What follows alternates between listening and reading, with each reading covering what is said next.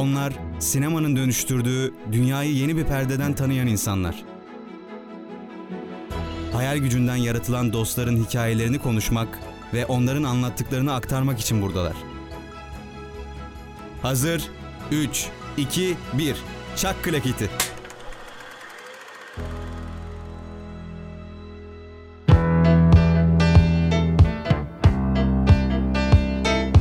Merhaba sevgili radyo dinleyenleri. Klaket'in bu bölümünde tekrar arkadaşım Barış'la beraberiz. Barış nasılsın? Nasıl geçti haftan? İyiyim, çok iyi geçti. Ee, biraz yoğun bir hafta. Hala da o yoğunluk devam ediyor ama güzel geçiyor genel olarak. Sağlığım da düzeldi. Sen nasılsın? Artık canıma tak etmeye başladı diyebiliriz.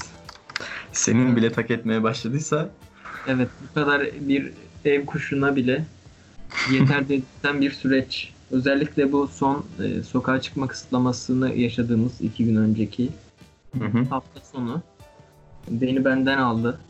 Artık uyanık kalamamaya başladım. Hastalık gibi orada burada sızıyorum, masalarda uyuyorum dururken. Bir çözüm bulamıyorum yani bir türlü. Bakacağız artık şimdi ekstradan kafein depolayarak kafein et, tein etkisiyle uyanık kalmaya çalışıyorum. bir e, şey arkadaşımız var Turgut hatırlıyor musun? Sette ne yapıyordu? Ne yapıyordu? Kola ile kahveyi ka- karıştırarak uyumamak için kendine Ya bir karışım hazırlıyordu. Denedim evet yani hani İşe yarıyor mu? Ama yok ya- yani şöyle bir durum var. Ee, sanki hani onları hiç yapmamışım gibi oluyor bir yerden sonra. E, evet zaten E, bir Ya sürü ben- oluyor. Bir yerden sonra dediğim çok kısa bir süre. Yarım saat falan. Senin bünyende bir sıkıntı olabilir o zaman. Muhtemelen benim bir genel tedavi almam gereken dönemlerden birine geldim. Zannediyorum bir kan testi gerekiyor tekrar ama şu anki durumlardan dolayı Şu koşullarda pek mümkün değil. idare etmeye çalışıyoruz. Senin sahne çekim ödevlerin vardı. Onlar nasıl gidiyor? Ben sahne değil kısa film çekme konusunda ısrarcı olduğum için zorlanıyorum. Çünkü daha çok zaman vermem gerekiyor ve aynı zamanda birçok dersin teslim etmem gereken ödevleri olduğu için eee, zamanımı çok alıyor açıkçası. Şimdi şey Nuri Bilge'nin Koza filmini çok beğenmiştim izlediğimde. Hı hı. Ondan etkilenerek evde de zaten annemle babamla yapabileceğim çok az şey var. Ee, yaşını almış insanların ilişkilerindeki iletişimsizlik üzerine böyle ufak bir kısa film yapmaya çalışıyorum. Etkilenerek mi araklayarak mı? Etkilenerek çünkü orada e, başka şeyler de var. Bende yok çünkü çekme imkanım yok. Belki olsa araklayabilirdim ama.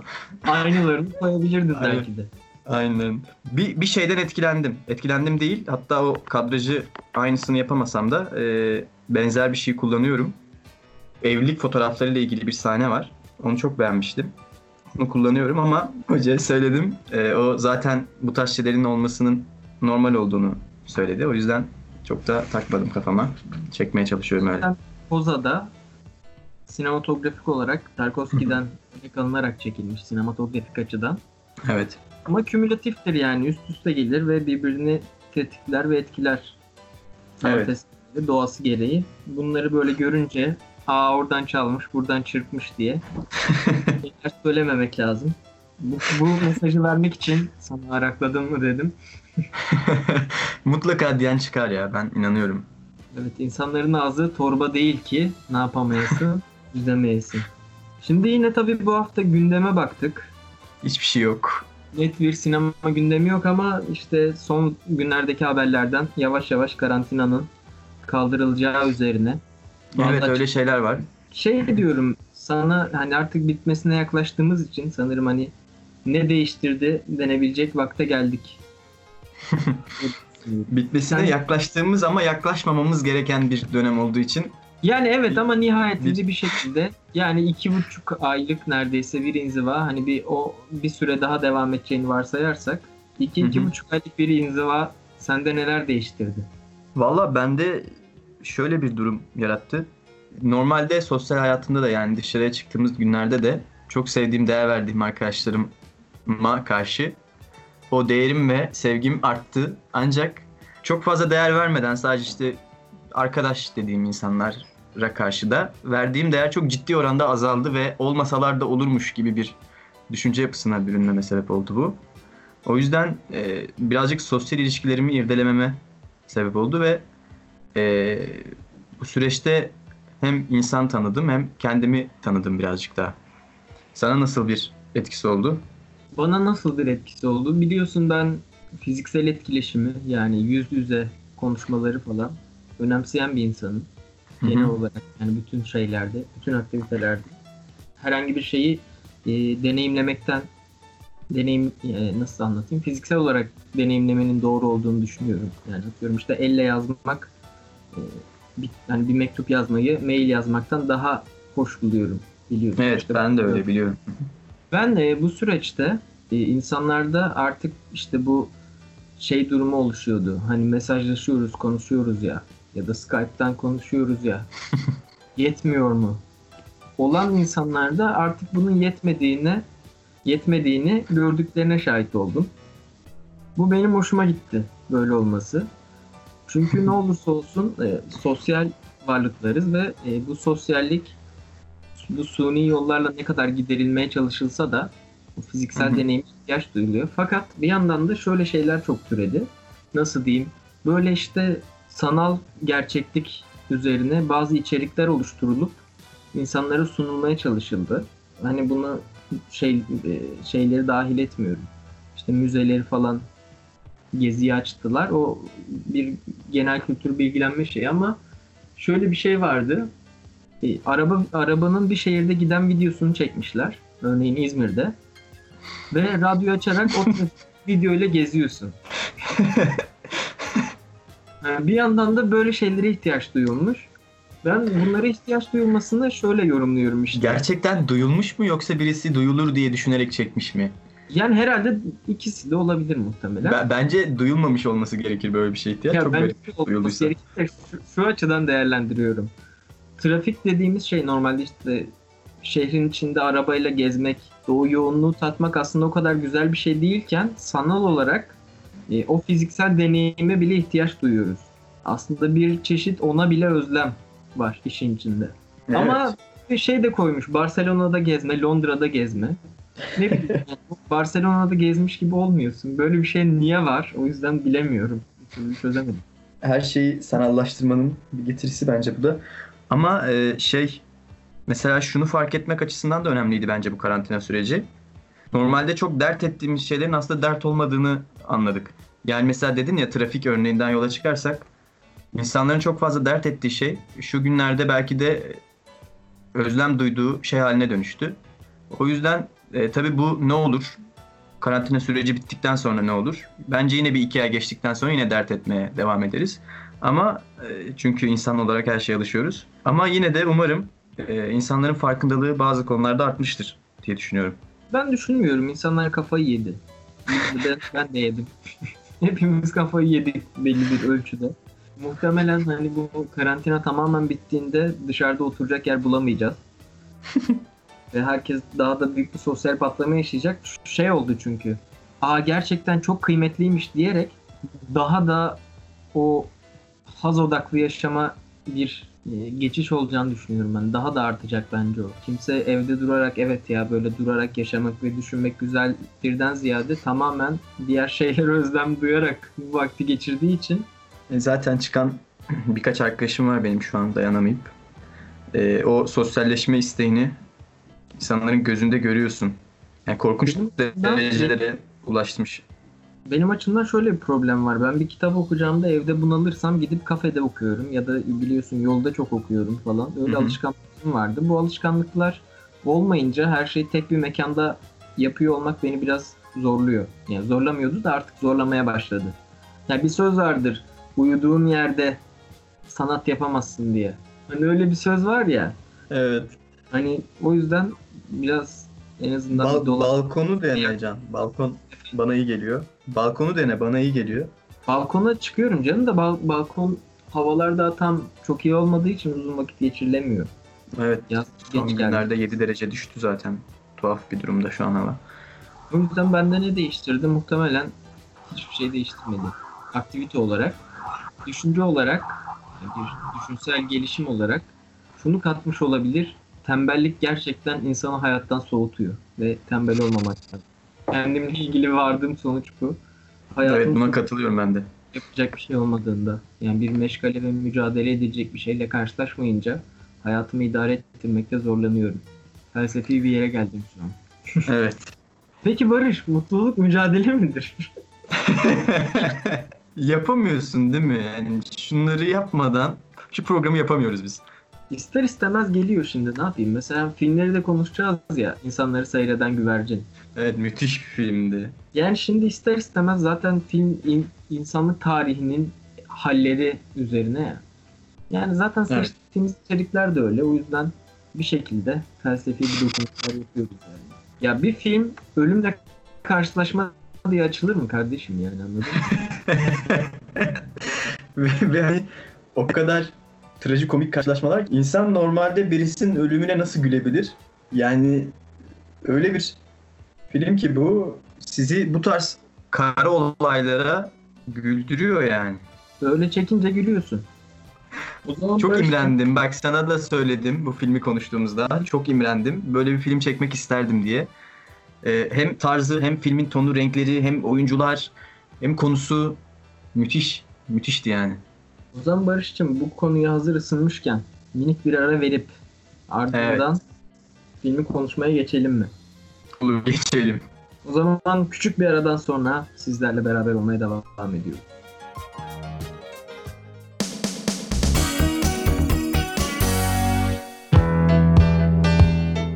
Evet aradan sonra araya girmeden önce de konuşmaya başladığımız Roy Anderson'ın İnsanları Seyreden Güvercin filmini konuşarak bu bölüme devam edeceğiz. Saatin saat yaklaşık 6.30'da sabah vakti Barış'a önerdiğim bir filmdi. Barış, Evet, bu, yani- ne, bu nedir dedin mi böyle? Yani Roy Anderson biraz böyle Evet. sanki sanatçı, müzi- müzisyenmiş ve insanları seyreden güvercin diye bir parçası varmış gibi. Ya ben senden bundan 3-4 ay önce bir kitap istemiştim ama hala vermedin onu bana hatırlıyor musun? Solumuzda bir kuş var. İşte ta- tamam onu bir onu bir an sattı bana. Uyandığımda gözümü açtım ve gördüm. Acaba dedim o kitabı hatırladı da bana belki okurum diye adını mı yazdı diye düşündüm. Sonra Roy Anderson'ın sinemacı, sinemacı olduğunu hatırladım ve hemen Google'a girip yazdım adını, e, filmin adını. Bir üçleme olduğunu ve bana bir filmi önerdiğini anladım ama önerdiğin saatin 6.30 olması o kadar komikti ki. Ama Yani- çok memnun oldum. Zaten hemen izledim filmi. E, kahvaltı yaparken izledim. Çok hoşuma gitti. Böyle filmler atarsan çok memnun olurum Can. Öncelikle filmi saat 5'te başlayıp 6.30'da bitirmeyin. Çünkü yarı uyuklayarak izliyorsunuz ve çok verim alamayabiliyorsunuz filmde. Böyle bir problemi var. Çünkü film biçim olarak alıştığınız filmlerin çok ötesinde, çok farklı. Ee, sen benzetmiştin Stranger, Stranger'dan Paradise'a ama Stranger'dan Paradise'ın da şeyi artık. Onun da ilerisi yani. Biçim olarak. Evet. Ben yani tek plan olması açısından benzettim ama orada dediğin gibi arada bir de olsa bir şeyler var. Bu filmde hiç yok. Bütün film tek plan. Yani tek, Tek plan değil, e, geniş açıdan hepsi. E, ama işte her sahne tek plan öyle diyeyim o zaman. E, her sahne bir geniş açıdan çekiliyor ve öbür sahnede bir diğer geniş açıya geçiyoruz. Hiçbir zaman yaklaşmıyoruz nesnelere. Öyle bir durum var. Demiştim filmin yapısından biraz bahsedelim dedim. Film epizodik anlatımla ilerliyor. Yani net bir konu bütünlüğü yok. O yüzden bu bölüm sana filmin konusunu anlattıramıyorum. Bak evet. evet. Epizodik anlatım nedir? Ona biraz değinelim. Ee, örnek verecek olursak Kubrick'in 2001 filmi ni andıran bir yapısı var. Ama Kubrick'in o filminde epizodlar çok daha uzun sürelere yayılıyordu. Bunda Evet. ise neredeyse her plan yeni bir epizod gibi. Evet. Hatta bununla ilgili de bir yorum okumuştum ben. E, her sahne kendi içinde bir kısa film gibi bir şey. Evet yani şey bir tema bağı var ve tema işte insan ve insanın halleri diyebiliriz sanırım kabaca. Hı hı. Onun üzerine belli durumları gösteriyor bize.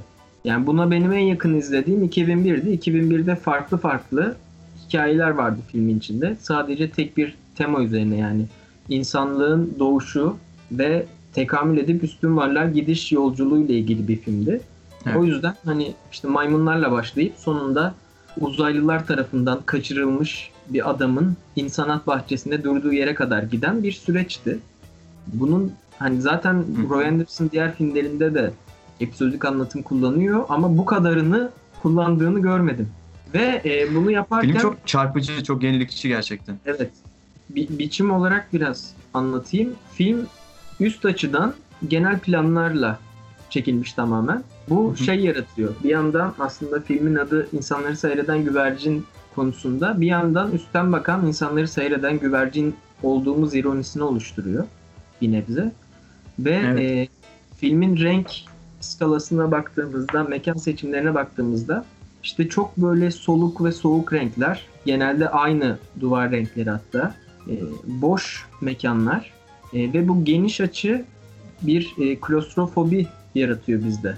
Yani insanların o mekanlara sıkışmış olduğu üzerine bir his geçiriyor. Bunu Lantimos'un Köpek Dişi filminde de görebiliyorduk. O da çok benzer duvar renkleri kullanarak çok benzer e, bazı planlarla o klostrofobik ortamı oluşturuyordu. Ama bu 1 saat 40 dakika boyunca oluşturuyor. Artık insanlık olarak içine girmiş olduğumuz o monotonluk, ruhsuzluk, hepsini hepsini he- bütün o duyguların yüzeye çıkmasına ve onlarla yüzleşmemize sebep oluyor bence. Sen ne düşünüyorsun? Evet filmin biçimiyle içeriği o kadar uyum içinde ki yani o zaten tek plan içerisinde hareketsiz kameralar hiç yaklaşmayan, objeye hiç yaklaşmayan kameralar yönetmenin yaratmak istediği o tek düze dünyanın bir resmi oluyor adeta. O yüzden çok başarılı buldum ben de. E, yani biçimle içeriğin uyumlu olması filmi iyi yapan şey oluyor zaten. Bunu çok iyi sağlamış yönetmen. E, anlatmak istediği şey ve anlatma yolları örtüşüyor. Ben filmin ironik dili dedin ya Onunla ilgili bir şeyler söylemek istiyorum. Filmin girişinde hatırlarsın o jenerik sahnesinde bir adam bir müzede bir güvercini izliyordu.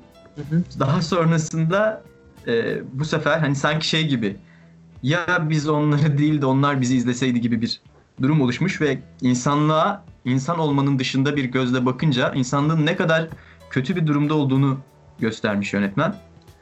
E, bu benim çok hoşuma gitti. Bunun haricinde oyunculuklar ve oyuncu seçimleri çok başarılı. Ee, film zaten ölümle çok iç içe olan bir film. Ölüm kavramıyla. Ve filmdeki bütün karakterler de sanki ertesi gün ölecekmiş gibi. Yani hem yüzleri hem duruşları hem konuşmaları tıpkı filmin tonu gibi e, oyuncular da çok solgunlar, çok mutsuzlar e, ve çok tek düze bir hayat yaşıyorlar. Mekan seçimleri de keza aynı şekilde çok başarılı buldum.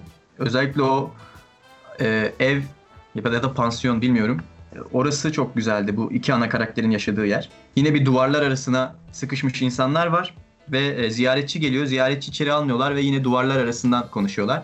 Sanki günümüzde o şey Bird People'da da konuştuğumuz web kamerasından ilişki bitirmek gibi artık insanların iletişimlerinin az önce de konuştuk. Belirli bir uzaklıktan gerçekleşiyor olması ve belli sınırlamalar içinde olmamız. Bunların hepsini sanki film ufacık bir yerde gösteriyor gibi geldi. Filmde hoşuma giden şey tekrar eden cümlelerdi. Sürekli insanlar aynı şeyleri söylüyordu. Mesela güvenlik, evdeki güvenlik sürekli bu saatte ne işiniz var tarzı. Şey diyordu, sabah erkenden işe gidecek olanlar var diyordu gece ses çıkaranlara. Ve bunu sürekli diyordu ve sürekli noktasına kadar, virgülüne kadar aynı şekilde kullanıyordu. Yine aynı şekilde bütün telefon konuşmalarında iyi olduğuna sevindim deniyor. Karşı taraf bu cümleyi anlamıyor ve tekrar iyi olduğuna sevindim diye tekrarlıyoruz biz bunu. Ee, aslında söylediğimiz yalanlara o kadar inanmışız ki filmde kimse iyi değil ama herkes birbirinin iyi olduğuna seviniyor. Öyle bir ironi var. Bu, bu da çok hoşuma gitmişti. Açıkçası şimdilik bunları söyleyebilirim. Zaten Venedik'te de Altın Aslan kazanmış film. Neden kazandığı belli yani. Bu ölümle yüzleşme ve iç içelik deyince aklıma Nazım'ın bir dizesi geliyor. İnsan öleceğini bile bile nasıl yaşar? Ya delirir ya öleceğini unutur diye. Evet. Acaba hani acaba da değil yani. Bu filmde biraz o hali de görüyorum. Hepsi öleceğinin çok farkında olan e, insanlardan oluşmuş bir şey görüyoruz. Şehir mi dersin artık işte insan topluluğu ve karakterler. Film o açıdan bir varoluşsal kriz temeline dayanıyor. Yani Evet. her gün uyandığımızda ilk aklımıza gelen şey bir saat sonra ölebileceğimiz olursa ne kadar iyi olabiliriz? Üzerine bir film aslında. En geniş açıdan baktığımızda, özüne indiğimizde. Hı hı. O yüzden benim çok sevdiğim biliyorsun varoluşçuluk ve absürdizm. evet. Ee, filmde bu kamunun e, şey mevcut. absürdizmi mevcut ama bunu bununla da biraz sanki dalga da geçiyor. Yani ya ya bununla dalga geçiyor ya da hani izleyenlere bunu biraz daha komik şekilde ifade ettirmeye çalışıyor. Çünkü orada e, öleceğini biliyor olsan da hayatını devam ettirmen gerekir. İşte mutlu olmaya çalışmalısın. E, optimist olmaya çalışmalısın. Ne kadar acı çeksen de gibi bir durum söz konusu.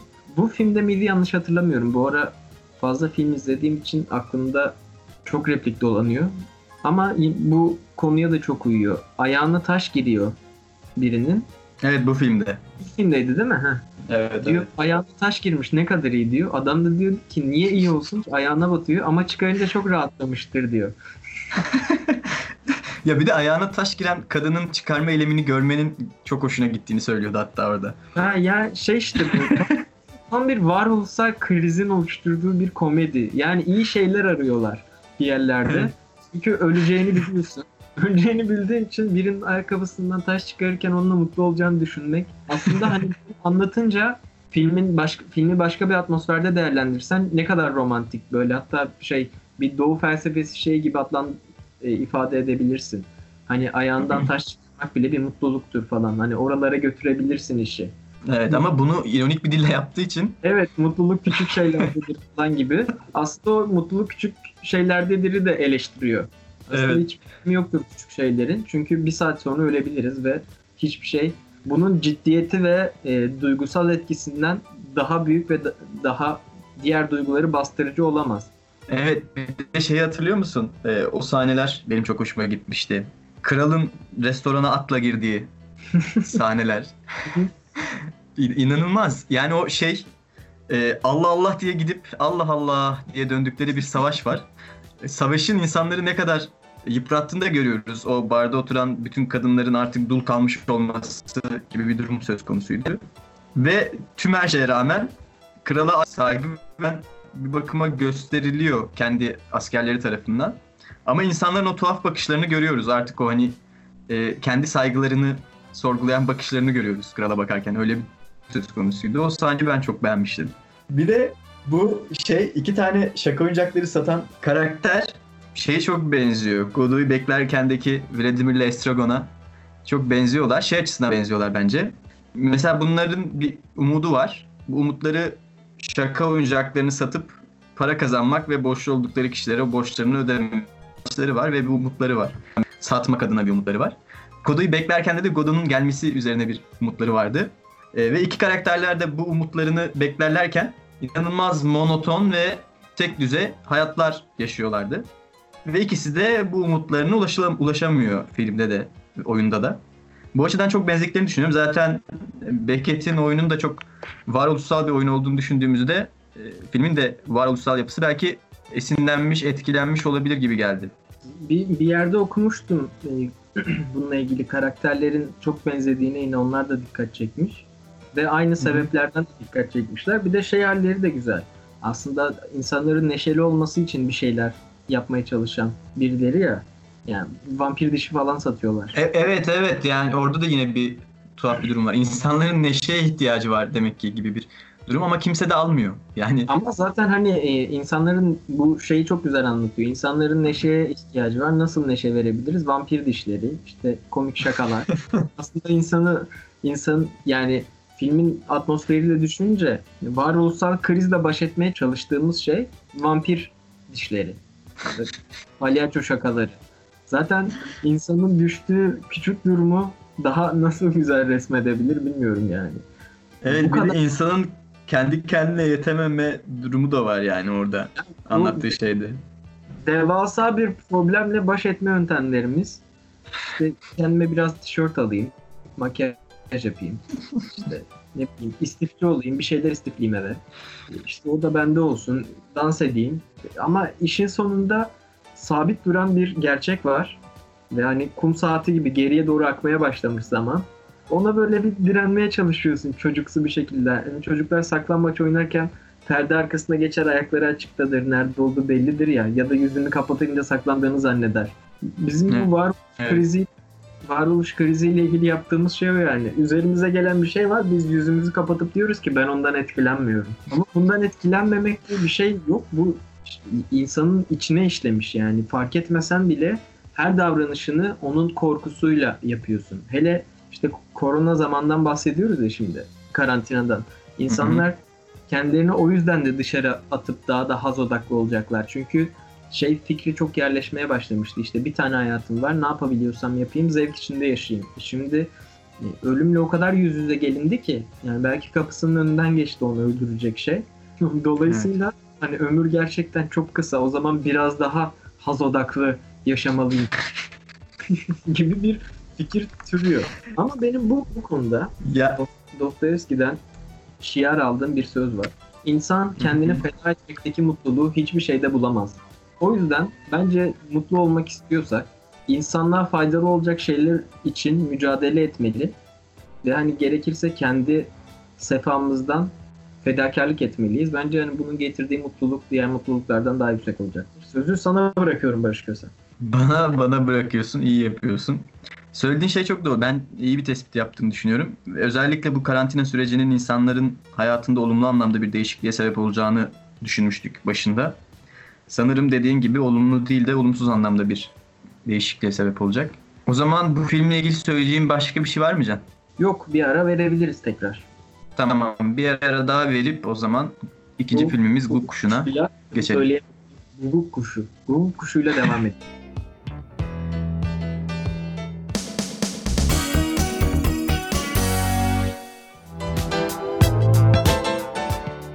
Guguk kuşuyla konuşmamıza devam edeceğiz. Barış konusunu anlatmak ister? Bu sefer Barış'a bırakmıyoruz. Barış çok ağlıyor sonra. Bunu diyeceğini o kadar iyi biliyordum ki. Ufak bir latife olsun. Konusunu ben anlatayım. Filmin yönetmeni Miloš Forman. Miloš Evet. Forman sevdiğimiz bir yönetmen. Kendisi Amadeus'un da yönetmeni, Man on the Moon'un da yönetmeni. e, Goya'nın Hayaletlerinin de yönetmeni. Çok dünya çapında bir yönetmen. Ve filmleri de oldukça kaliteli. Guguk Kuşu da kaliteli filmlerinden birisi elbette. Ve başrolünde hepimizin bildiği gibi Jack Nicholson oynuyor. Senin çok sevmediğin. Ya ben Jack Nicholson'ı orada seviyorum mesela. Yani şey, Shining'de de çok seviyorum. İşte Joker'i oynarken de çok seviyorum ama e, şey dramalarda çok hoşuma gitmiyor. Daha sade dramalar. Büyük oynadığı için büyük ihtimalle. Evet ve şey bizim oyunculuk hocamız e, şey demişti onunla ilgili. O da aynı fikirde. Yani sade dramalarda izleseniz bu ne biçim oyuncu dersiniz ama borderline kişilikleri verdiğiniz zaman inanılmaz bir oyuncu olduğunu görüyorsunuz. Türkiye'deki örneği Erdal Beşikçioğlu'dur Jack Nicholson'ın. Bilemiyorum olabilir belki evet. Bu konuda çok iddialıyım.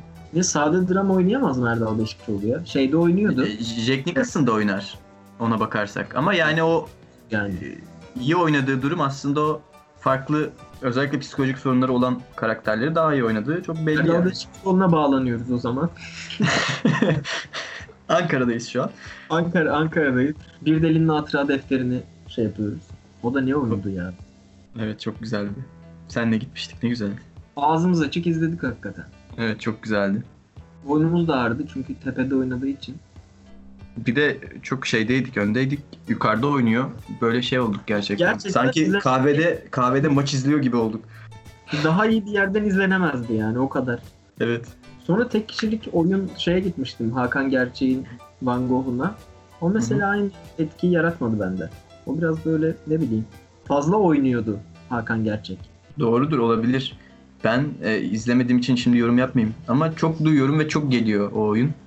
Artık e, buradan yola çıkarak şey diyebiliyorum. Demek ki izleniyor ki bu kadar sık geliyor.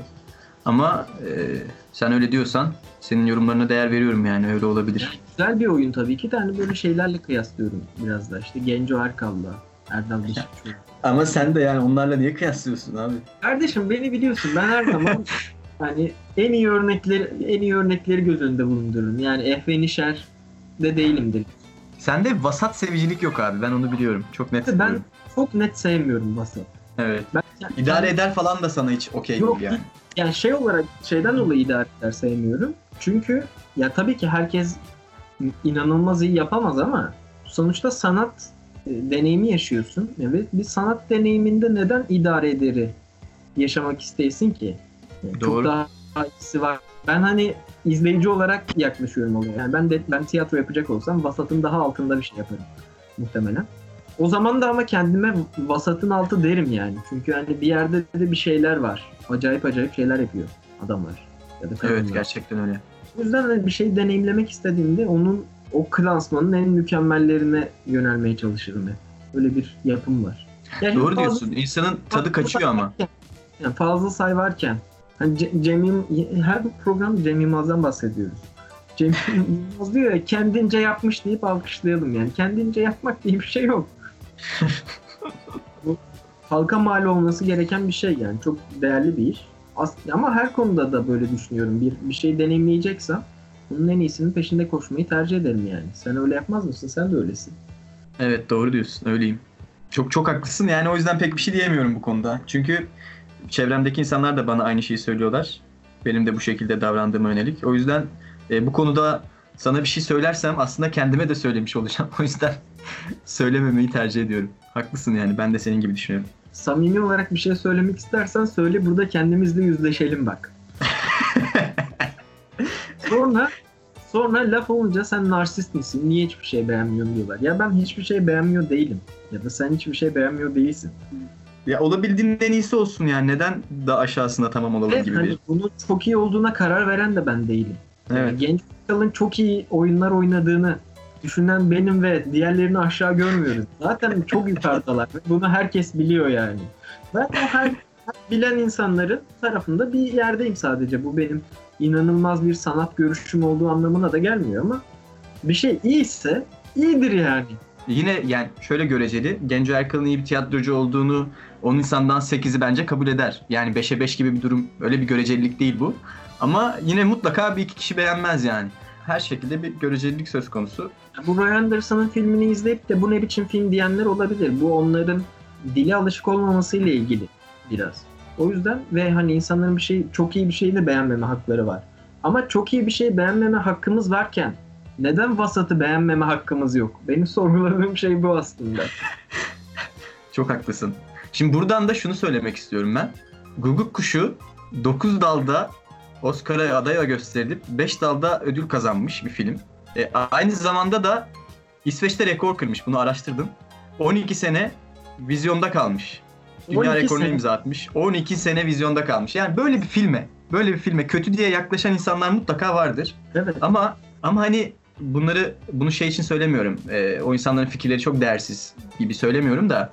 Ya böyle bir film ne kadar kötü olabilir diye bir sormak lazım yani.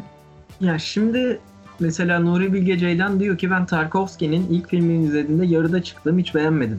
Evet. Ama seneler sonra o dile alıştım ve artık en sevdiğim yönetmenlerden biri.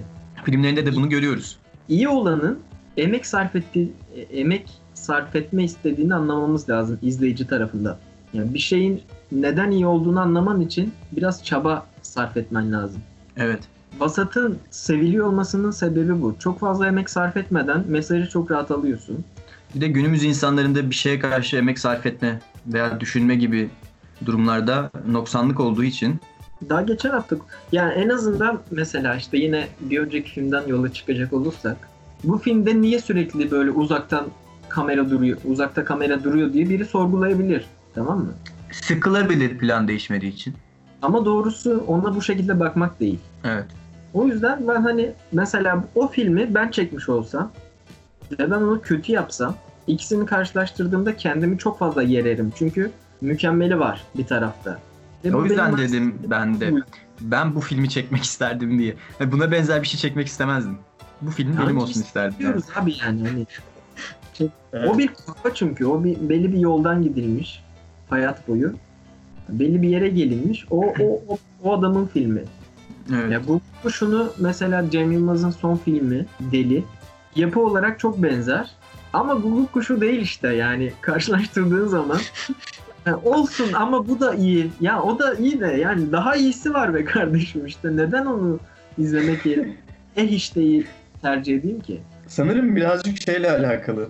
Bizim toplumumuzda sadece bilmiyorum o konuda net bir şey söylemeyeyim ama insanların e, karakterlerin peşinden gitme özellikleri çok fazla. Yani biz olaylara, filmlere veya durumlara değil daha çok o kişilere değer veriyoruz. E, Cem Yılmaz'ın da Türk izleyicisinde öyle bir etkisi var. Yani o Ha, peşinden onu- gidilen kişi oluyor Cem Yılmaz genelde Türk seyircisi tarafından bakıldığında. Yine Yani- Cem Yılmaz'a nasıl geldik bilmiyorum ama Evet ya o da işte yani bir şekilde bir şey denediği için yine yani işte en basiti yine Cem Yılmaz stand-up'tan bahsedebiliriz yani. Şimdi Cem Yılmaz'a gülmek varken kim gider de Doğu Demirkol'a güler falan. 15 lira 25 dakika gösteri yapan birini gülmek ister yani. İki, iki seçenek verdiğinde ikisi de bedava dediğinde herkes Cem Yılmaz'ı seçer. Çünkü iyisi o. Evet. Ama başka konularda insanların zevki işte o Cem Yılmaz'dan değil de diğer X kişiden yana olduğunda ve sen ya bak bu kötü aslında diğeri daha iyi dediğinde niyeyse narsist oluyorsun. Ya da işte ukala oluyorsun bilmem ne böyle tuhaf tuhaf şeyler var garip biraz yani. Bu Bu- sana dokunmuş, içine dokunmuş bu. Bana hep dokunuyor Barış. Böyle konuşuyor bana hep dokunur. Hukuk kuşuna geçelim. Kısaca bahsedecek olursak Jack Nicholson'ın karakteri ismini hatırlamıyorum. İsimleri hatırlamıyorum. McMurphy. McMurphy. Ha. Bir suç işliyor ve hapishaneye atılmaktan kurtulması için akli dengesi yetersizdir raporu alacak. Bu yüzden bir akıl hastanesine yatmayı kabul ediyor. Bu akıl hastanesinde deli diye nitelendirilen insanlarla karşılaşıyor ve bir de belki de sinema tarihinin en kötü karakterlerinden biri olan o hemşire canavar Rachel mıydı adı neydi öyle bir şeydi. olabilir. Film, filmi izleyeli de bayağı olduğu için ikimizin de arada bazı şeyleri unutabiliyoruz. Öyle bir insan. Ama çok iyi oynamış. Yani onu da Zaten o yüzden lazım. O yüzden yüzünü şeytan görsün yani. O Evet. oynamış o, o nefreti uyandırıyor. Bir akıl hastanesi içinde e, iktidar ve direnişçi hikayesi yaratıyor alt metinde. Hı hı. Bir yandan da akıllılık ve delilik kavramını sorguluyor ve otorite ve otoritenin yol açtığı delilik ve travma üzerine de gidiyor. Evet. Bir otorite eleştirisi var filmin. O kesin yani. Hemşireler üzerinden yani bir hemşirelerin veya doktorların orada sağlamaya çalıştığı otorite üzerinden bir eleştiri gibi gözükse de bu. İşin sağlık boyutunu bir kenara bırakırsak e, daha politik bir yanı da var filmin aslında. E, Toplumda da tarihte de daha doğrusu insanlar hep normal olmayan insanlar, deli diye damgalanan insanlar. Zamanında şey yapılıyor yani adalara falan terk ediliyor, ölüme bırakılıyor. Toplumdan tamamen dışlanan kimseler yani tarihte de. Günümüzde de bu var ve problem de her zaman şu zaten. Bu tarz filmlerin çoğunda da gördüğümüz ve ele aldıkları konu bu. Bu deli diye yaftalanan insanlar gerçekten deli mi yoksa biz normaller sa- sadece sayıca çok olduğumuz için mi normaliz gibi bir durum söz konusu oluyor. Filmde de bu otoritenin aslında politik kısmını şurada görüyoruz. O akıl hastanesinden kaçma imkanı olan bazı karakterler kaçmayı reddediyor. Yani burada dışarı çıktıklarında yine ötekileştireceklerini bildikleri için kaçmayı reddettiklerini söyleyebiliriz. E, onlar için artık bir kere o damga yemiş olmak hem içeride hem dışarıda öteki konumunda olacağını gösteriyor. Filmin bu yandan da bir politik eleştirisi var. Şöyle bir politik eleştiri de var. Otoritenin insanı delirttiği üzerine ya da işte travmalarını hatırlattığı ya da yeni travmalar yarattığı üzerine Bibi karakteri vardı bilirsin. Kekeme ve Evet. annesinden çok korkan karakter. Ee, McMurphy e, Bibi'nin kendine güveninin gelmesi için e, ona bir hanımla arkadaşlık içine sokuyor. Evet. Ve sonunda yakalandıklarında e, hemşire ona diyor ki bu yaptığından annenin haberi var mı? Bibi oradan çıktığında gayet düzgün konuşan özgüvenliyken bu korku ona dayatıldığında tekrar eski haline dönüyor. Bir de e, orada da güzel bir durum var. Aile otoritesini de göstermiş oluyor. Yani dışarıda da başında bir otorite var Billy karakterinin. Yani İçeride otorite olduğu kadar. bir şekilde aslında iyileştir yani toplum sözleşmesi gibi bir durum var aslında orada. Toplum sözleşmesi şunun üzerine kurulmuş diyebiliriz. Ee, birey kendini savunamaz toplum içinde. O yüzden devlet bireyin e, korunmasını sağlayan bir e, işte yapı. Yani birileri onun parasını çalmasın, zorbalığa maruz kalmasın gibi şeyler üzerine kurulmuş bir yapı aslında toplum sözleşmesi. Buna karşılık olarak bireyin devlete verdiği bir söz var. İşte ben de çalmayacağım, kimseye zarar vermeyeceğim falan. Yani suç diye nitelenen şeyleri yapmayacağım. Bunun karşılığında da devlet beni koruyacak. Filmdeki mevzu da anne karakteri yani Bibi'nin annesi bir şekilde ona zorbalık edip işte karakterinin bozulmasına sebep olmuş. Bir, başka bir şey, figür. Ve e, akıl hastanesi devletin bir merkezi olarak düşünürsek onu oraya almalarının sebebi anneden uzaklaştırmak ve onu tedavi etmek. Yani onun yoksunluklarını gidermek. Fakat yoksunluklarını giderebileceği esas şeyleri ona vermeden bunu yapmaya çalışıyor. Bu işte devletlerin sıkıntı yaşadığı durum. Yani ben benim karnım açken tamam mı? bana latte veriyorsa devlet ve bununla açlığımın dinmesini bekliyorsa ben açlığımı dindiremeyip bir yol bulup yemek yediğimde de beni tekrar cezalandırıyorsa burada bir işleyiş problemi var. Film hani bunun eleştirisini akıl hastanesi üzerinden yapıyor hem hem de e, açık açık e, direnmekle ilgili bir eleştiri yapıyor. Yani direnişin e, ve insanları o otoriteye karşı baş kaldır kaldırtmaya çalışmanın nasıl cezalandırıldığını gösteriyor. Yani aynen nasıl cezalandırıldığını gösteriyor bunun sonucunda. Bu da başka ülkelerde çok gördüğümüz şeyler. evet. Bir de şöyle bir durum var. Şimdi dedin ya direniş, birlik olma söz konusu. Şimdi bu deli olan karakterlerin toplumdan e, soyutlanmış, ötekileştirilmiş karakterler olduğunu biliyoruz. Ve bu karakterlerin toplumun sadece deli olmakla öteki olmuş karakterler olarak düşünmemize gerek yok. Şey olarak da düşünebiliriz bunu. Yani e, belirli sebeplerden, farklı farklı sebeplerden öteki olmuş insanlar gibi de bakabiliriz olaya. Bu, burada tabii ırk devreye girebilir, dini görüş devreye girebilir, mezhep devreye girebilir, birçok şey, siyasi görüş devreye girebilir. Böyle baktığımız zaman o birlik ve direnişin aslında bir akıl hastalığı üzerinden bize aktarılan bu filmde çok boyutlu bir mesajı da oluyor. Filmde çok hümanist bir bakış var zaten. Yani bütün insanları kucaklamamız gerektiğini aslında e, delilerin karşı kaldıkları otorite sonucunda belki de bu kadar yani daha da kötüye gittiklerini göstererek bize anlatmış oluyor film. Şimdi burada e, şey, şeyden bahsetmek istiyorum ben. Açıkçası bu tarz filmlerde her izlediğim bu tarz filmde daha doğrusu şey oluyor. Bu soru soruluyor. Deliler mi gerçekten deli yoksa delilik ve normallik arasında bu kadar net ve keskin bir çizgi yok mu da iç içe olan kavramlar mı gibi bir şey. Bu sana da söylemiştim bir film vardı Conformist diye Bertolucci'nin. O filmde de film çok karanlık bir atmosferde geçiyor ve konformist bir karakter var. Devrin çarkına ayak uydurmuş bir karakter. Yani normalleşmiş öteki olmamak için. Ee, bu karakterimizin babası akıl hastanesinde ve onu bir ziyarete gittiği sahne var. O sahnede film boyunca kapkaranlık atmosfer var. Her sahne mavi tonlarında ya da işte gri tonlarında gibi bir şey. E, o sahnede akıl hastanesi bembeyaz resmedilmiş filmde. Yani aslında şöyle bir soru sorduruyor gibi gelmişti bana o sahne. Acaba böyle bir düzen içerisinde zaten akıl sağlığını kaybetmemiş olmak mı anormal? Yani akıl sağlığını kaybetmek veya içimizdeki en temiz olanlar onlar mı gibi bir yere doğru gitmişti. Tabii ki bu kadar polyanacı bir yaklaşım içerisinde değilim ama yine de insan bu şeyi düşünüyor. Delilik ile normallik arasındaki çizginin şeffaflığını, saydamlığını düşünüyor yani. Sen ne düşünüyorsun bu konuyla ilgili? E, bununla ilgili bir araştırma var. Daha önce yapılmış. Akıl hastaneleri ya da işte psikiyatri kliniği gerçekten e, akıl sağlığı bozuktur seviyesinde bir hastalıktan bahsediyorum. Herhangi bir depresyon ya da diğer bozukluklar değil. Çok ağır seviyede klinik hastalıklar. E, bu DNA için akıl hastanesine yanlış hatırlamıyorsam 10 kişi koyuyorlar içeri. Belki daha azdı. Ve e, doktorlar da bunların e, sağlıklı insanlar olduğunu bilmiyorlar. Evet. Bu süreçte e, onları tedavi etmeleri ve iyi olduklarını düşündüklerinde oradan çıkmalarını istiyorlar. Fakat doktorlar sanırım 6 veya 7'sinin iyi olmadığını düşünüyorlar süreç içinde. Ve onlar ben iyiyim diye direttikçe hastalıklarının ilerlediğini söylüyorlar. Bu yüzden dışarı salmıyorlar insanları ta ki deney bitene kadar. Bu hani o filmdeki hemşire karakteri de göz önünde bulundurursak bu deliliğe karar verici insanların bunu ne kadar anlayabildikleri üzerine bir şüphe uyandırıyor.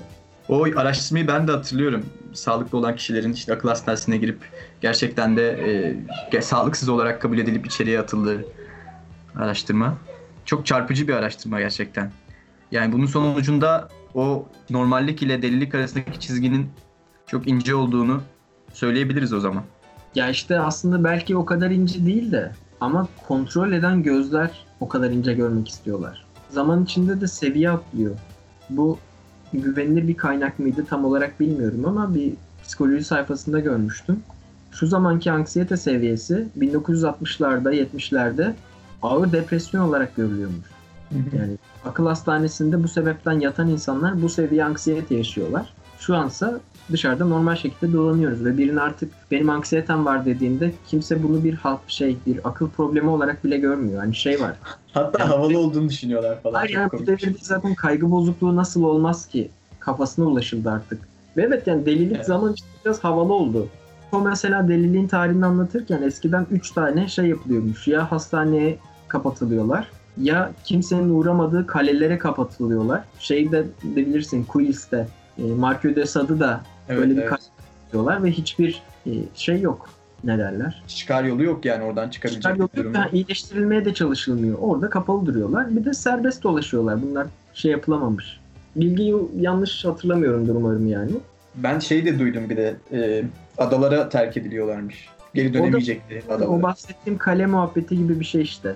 Ha evet olabilir. Yani izole bir yere bırakılıyorlar ve başlarına da işte hizmetçi falan koyuyorlar. Yemeğini suyunu getirsin diye. Bir de galiba papazları oluyor başlarında. Bunları kötü yoldan Evet. için. Çünkü eski, zaman, da vardı. eski zamanda çünkü delilikle şeytan çok iç içe girdiği için aşırılıkla hani papazın bir şekilde onları ıslah edilebileceği öngörülüyor. Bu Zaman- şeyde de yok sen bitir konuşmanı sonra söyle. Söyle söyle. Bu şeyde de e, Tüy Kalemler diye bir oyunu vardı Erdal Beşikçioğlu'nun. Orada da papazı Saygın Soysal oynuyordu. E, orada da zaten biliyorsundur işte o şeytanla ilişki kurduğu düşünülen karaktere karşı papaz onu eğitmek yerine orasını burasını keserek bir eğitim ve- veriyordu ona. Yamarki de Sada. Yani mesela orada şu, ben filmini izledim, tiyatrosunu izlemedim. Ee, yazmasını delice buldukları için elinden bütün kalemleri falan alıyorlar. Yazabileceği her şeyi. Adam kanıyla falan yazıyordu aslında. Evet işte o da yani o da insanı sorgulatıyor bir yerde. Yani bu gerçekten deli mi yoksa durduramadığı bir arzusu mu var? hani sadece kanıyla yazsayı en sonunda bir kuyuya atıyorlar ve o kuyuda dışkısıyla yazıyor duvarlara. evet. Yani bu mesela bu, bu, bu delilik olarak adlandırılsa da bugün dinmeyen ve varoluş için çok gerekli bir arzu olarak adlandırılıyor Marquis de Sade konuşulduğunda. Zaman içinde hani delilik kavramının ne kadar değiştiğini görebiliyoruz. Evet daha da göreceli olmuş sanki biraz. Yani zaman içerisinde bu kavram. Yani herkes deli. Eski, eski deli tanımına hepimiz uyuyoruz aslında yani türlü şeylerle. Ve hani eskiden farklı bir doğru. ele alınıyormuş yani delilik. Hastalıktan ziyade bir tür problemi gibi delilik. Şimdi ise insanın bir ne derler ona? Skalası mı derler? Yani işte insan yelpazesinin bir parçası. Akıl sağlığı bozuk insanlar.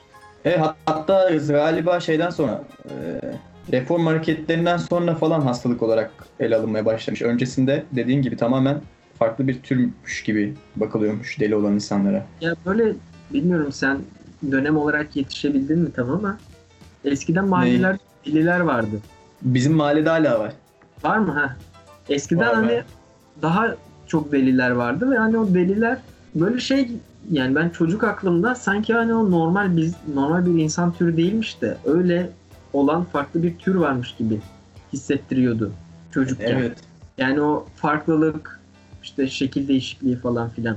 İnsanlar büyüdükçe hala öyle düşünenler de var. Bu sanırım hani insanların farklılığını kabul etme eşiği atladıkça delilik de normal gelmeye başlıyor. Doğru evet olabilir. Mesela Dennis Rodman nasıl deli değil? ben bence yüzde yüz deli bu arada. Normalde mahallede görsen onu çocukken o deliydi yani. Ama artık farklılıkların olabildiğini bildiğim için, spektrumun geniş olduğunu bildiğim için Dennis Rodman da o spektrumdan farklı bir kişilik. Peki sence bu durum iyi bir şey mi? Yani bunun genişlemesi iyi bir şey mi? Bence iyi bir şey tabii ki canım. Yani bir ucu olarak görüp onu tamamen dışarı atmak hiçbir zaman iyileştirmemiş. E yani evet. Aslında birazcık da Google kuşu da bunu eleştiriyor zaten diyebiliriz. Ya ama mesela Google kurşu da eleştiriyor. Şu an bunu da konuşuyoruz. Ama e, hala e, akli problemi olduğunu dile getiren insanlara karşı bir ötekileştirme söz konusu. Bunun sebebi de artık çok normalleşmiş olması ve herkeste o tanının var olduğunun düşünülmesi. Yani canım çok sıkkın, ben depresyondayım. Başkası, başka biri sana klinik bir şekilde ben depresyondayım diye geldiğinde e hepimizde var o diyor. Yani, ya yani halbuki işte bir, bir şeyin depresyon olabilmesi için 3 ay boyunca yaşam kaliteni tamamen ters yüz edip artık hayatını idame ettiremiyor seviyeye getiriyor olması lazım. Ama sen hani arkadaşlarınla buluşuyorsun, konuşuyorsun, eğlenmeye devam ediyorsun ama sen de depresyondasın. Peki. ya sabah bal reçelli, kaynamış yumurtalı, kepek ekmekli kahvaltı eden de yemek yememek için kuru ekmek ısıran insan bu sıkıntıyla aynı mı yani? Gözümde çok fazla insan canlandı biliyor musun? Benim de benim hep canlanıyor. Barış'cığım süremizin sonuna geldik. Hatta son bölümde biraz uzattık da. Evet uzun tuttuk. Güzel Yavaştan bir o zaman kapatalım Güzel. programı. Google kuşuna da bir değinmiş olduk ama yani herhalde insanlar izlemişlerdir ve çıkarımlarını yapmışlardır. 40 Yani senelik. Ben İsveç'te izlemeyen olduğunu düşünmüyorum mesela buradan. ama program İsveç'e yapılmıyor. Öyle bir sıkıntı var. Evet belki bir gün Can. Belki bir gün. Buradan e, Yaşar Üniversitesi'ne de seslenmiş olalım. Sesleniyoruz. İsveç'e yayın yapmak istiyoruz. O zaman görüşürüz diyelim Can. Sağlıkla Görüşürüz. kalsın yine herkes. İyi haftalar herkese. Herkes sağlıkla kalsın. Hoşçakalın.